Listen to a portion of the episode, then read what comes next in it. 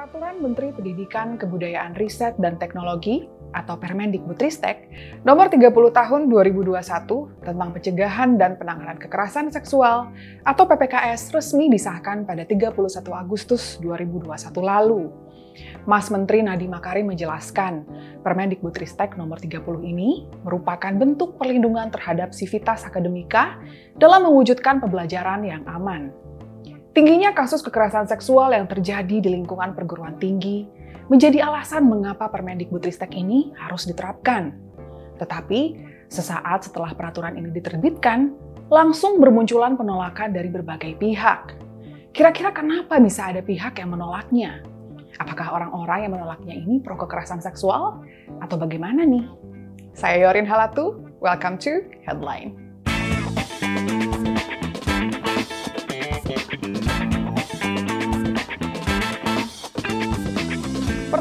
Kita bahas dulu latar belakang masalahnya ya.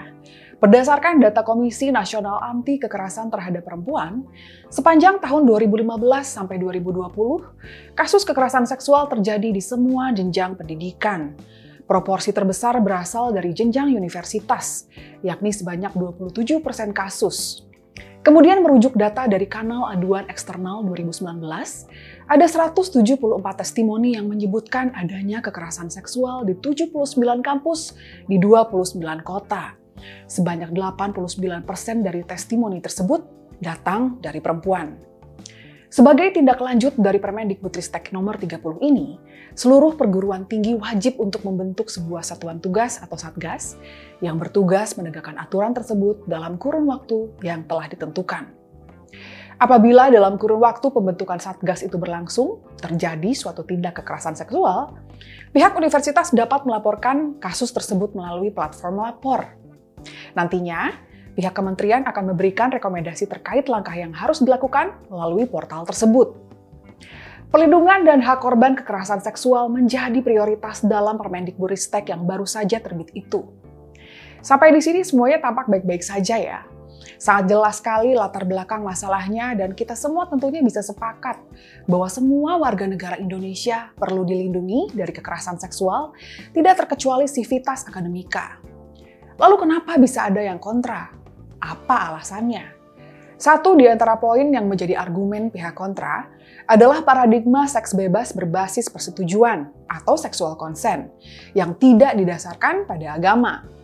Wakil Ketua Komisi 10 DPR RI, yaitu Abdul Fikri Fakih, mengatakan hal tersebut bertolak belakang dengan norma hukum yang berlaku di Indonesia, di mana perzinahan dianggap sebagai perilaku asusila dan diancam pidana. Menurut Fikri, dalam frasa tanpa persetujuan korban, terkandung makna persetujuan seksual atau seksual consent. Menurutnya, ketentuan tentang persetujuan seksual yang tercantum dalam Permendikbudristek nomor 30 garis miring 2021 tidak dikenal di dalam norma hukum di Indonesia. Konsensus yang kita sepakati sesuai norma Pancasila dan Undang-Undang Dasar 1945 adalah bahwa hubungan seksual baru boleh dilakukan dalam konteks lembaga pernikahan. Itu kata Fikri. Waduh, ini wakil rakyat wawasan hukumnya perlu ditingkatkan lagi kayaknya ya. Pertama, Pancasila itu bukan hukum. Betul bahwa Pancasila itu sumber hukum, tetapi dia bukan hukum itu sendiri. Maksudnya apa? Tidak ada satu orang pun di negara ini yang bisa dihukum karena melanggar Pancasila. Orang bisa dihukum karena melanggar hukum yang bentuknya bisa berupa hukum pidana, hukum perdata, peraturan daerah, dan berbagai dokumen hukum lainnya. Yang jelas Pancasila tidak termasuk di situ. Pertanyaan berikutnya, adakah dokumen hukum di negara ini yang berlaku di tingkat nasional yang menyebutkan bahwa orang dilarang melakukan hubungan seksual di luar nikah? Jawabannya ada. Jika orang tersebut sudah berstatus kawin atau sudah menikah. Kalau sama-sama belum menikah bagaimana? Nggak ada larangannya. Silakan Anda riset sendiri. Cari satu saja dokumen hukum yang menyebutkan bahwa orang dewasa yang tidak berstatus kawin atau tanpa paksaan dilarang berhubungan seksual di luar pernikahan. Nanti Anda akan tahu bahwa tidak ada hukum yang melarang itu di Indonesia. Termasuk Undang-Undang Dasar 1945. Anda bisa telusuri pasal demi pasal dalam dokumen tersebut. Tidak ada satupun yang menyebutkan adanya larangan tersebut. Jadi Permendikbudristek tidak bertentangan dengan hukum yang berlaku di Indonesia. Berikutnya lagi argumen dari anggota Komisi 10 DPR RI fraksi Partai Gerindra Himatul Alia. Beliau mengatakan Permendikbudristek nomor 30 tahun 2021 ini harus ditolak karena mengabaikan nilai-nilai agama. Kalau ini saya rasa udah nggak perlu respons lagi ya.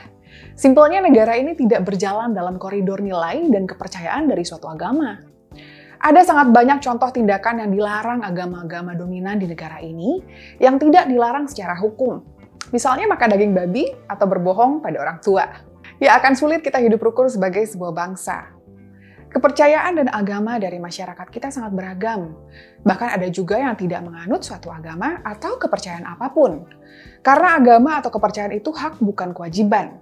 Permendikbudristek yang dikeluarkan oleh Mas Menteri dibuat berdasarkan masalah publik yang berlaku umum, tanpa memandang agama, gender, atau suku tertentu yakni masalah kekerasan seksual. Apa itu kekerasan seksual? Pada intinya tindakan seksual yang dilakukan dengan paksaan oleh seseorang terhadap orang lain. Hal ini mencakup pemerkosaan, tindakan memegang bagian tubuh tanpa izin, dan lain sebagainya. Orang yang menjadi korban atas kejahatan seperti ini bisa mengalami trauma berkepanjangan, bahkan bisa seumur hidupnya tidak pulih dari traumanya itu. Warga negara Indonesia berhak dilindungi dari kejahatan seperti ini, dan Permendikbudristek nomor 30 berusaha memenuhi hak ini. Kalau perkara mau membuat larangan atas hal-hal yang tidak dilarang seperti misalnya seks di luar nikah itu, yaitu sudah pembahasan lain lagi. Masalah yang dibahas dalam Permendikbudristek nomor 30 ini masalah kekerasan seksual. Jadi tindakan-tindakan yang diatur di situ adalah tindakan kekerasan seksual. Kalau mau mengatur tindakan dosa atau tindakan yang melanggar aturan agama, mungkin perlu diusulkan ke Menteri Agama atau menteri lainnya agar membuatkan peraturan terkait itu.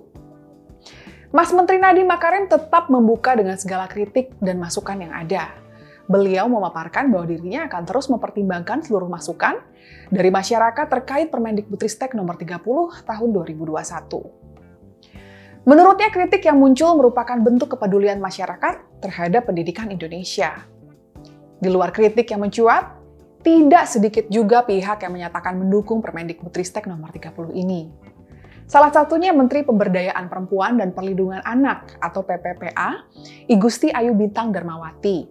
Ayu menjelaskan, aturan tersebut semakin memperkuat upaya Kementerian PPPA dalam memberikan perlindungan kepada perempuan dan anak-anak Indonesia.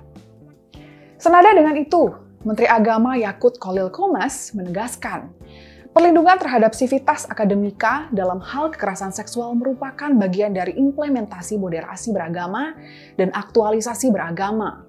Sejumlah lembaga seperti Kemenak, Kementerian PPPA, hingga Koalisi Masyarakat Sipil Anti Kekerasan Seksual atau Kompaks mendukung aturan yang dibuat oleh Nadiem Makarim itu. Sedangkan sejumlah lembaga yang menolaknya adalah Muhammadiyah, MUI, dan Partai Keadilan Sejahtera atau PKS. Banyak berspekulasi bahwa penolakan dari pihak Muhammadiyah dilatar belakangi oleh motif politik. Karena ada latar sejarah di mana sebelum Nadiem, Menteri Pendidikan selalu datang dari kalangan Muhammadiyah. Tetapi saya tegaskan, ini hanya spekulasi saja yang saya lihat menyeruak di lini masa media sosial. Belum tahu loh ya ini benar apa enggak. Penolakan dari PKS juga diduga mengandung motif politik terkait pemilu 2024 mendatang. Tetapi lagi-lagi ini hanya dugaan yang berkembang di tengah masyarakat. Sebagai tambahan, sebelum saya menutup ulasan saya kali ini, saya menyampaikan beberapa data lagi yang memperkuat latar belakang masalah diterbitkannya Permendikbudristek nomor 30 tahun 2021. Komnas Perempuan merilis sebuah laporan pada Oktober 2020, di mana dalam laporan tersebut terdapat data yang menyebutkan bahwa 27% aduan kasus kekerasan seksual yang ada datang dari lingkungan perguruan tinggi. Selanjutnya, dalam survei Direktorat Jenderal Kemendikbudristek tahun 2020, 77% dosen mengaku bahwa kekerasan seksual pernah terjadi di kampus tempat mereka mengajar. Namun lebih dari 60 persennya mengaku tidak melaporkan kasus tersebut. Hal ini kemungkinan besarnya disebabkan oleh payung hukum atau landasan aturan yang absen alias tidak ada. Sehingga pihak kampus mungkin juga kebingungan bagaimana menanganinya. Oleh karena itu diperlukan sebuah peraturan yang mengatur hal tersebut. Sampai sini sudah sangat jelas ya latar belakang masalah dari diterbitkannya Permendikbudristek nomor 30 ini. Kalau saya sih dukung. Anda gimana? Silahkan kebukakan pendapat Anda di kolom komentar atau di akun media sosial Anda ya. Dalam demokrasi, semua berhak berpendapat. Jangan lupa like dan share videonya kalau dianggap bermanfaat. Terus juga subscribe channel GeoLive dan nyalain lonceng notifikasi supaya nggak ketinggalan episode selanjutnya. Bye-bye!